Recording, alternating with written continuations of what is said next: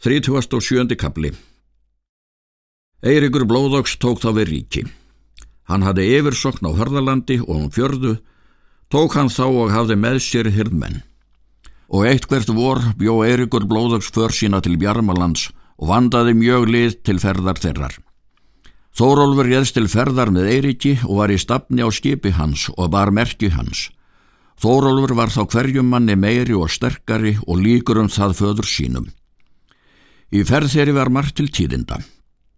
Eirikur átti orustu mikla á Bjarmalandi við vínu, fekk Eirikur þar sigur, svo sem segir í kvæðum hans og í þeirri ferð fekk hann Gunnhildar dóttur Össurar Tóta og hafði hana heim með sér. Gunnhildur var allra kvenna vænst og vitrust og fjölkunnug mjög.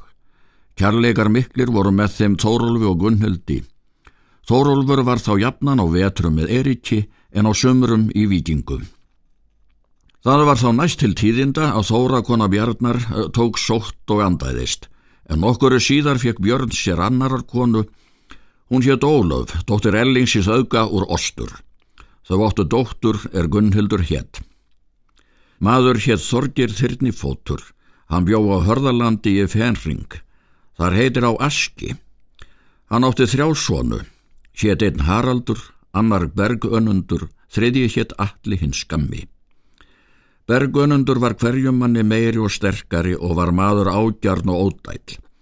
Alli hinn skammi var maður ekki hár og reyðvaksinn og var rammur að afli. Þorgir var maður stór auðugur að fjö. Hann var blóðmaður mikill og fjölkunnugur. Hattur lág í viking og var sjaldan heima.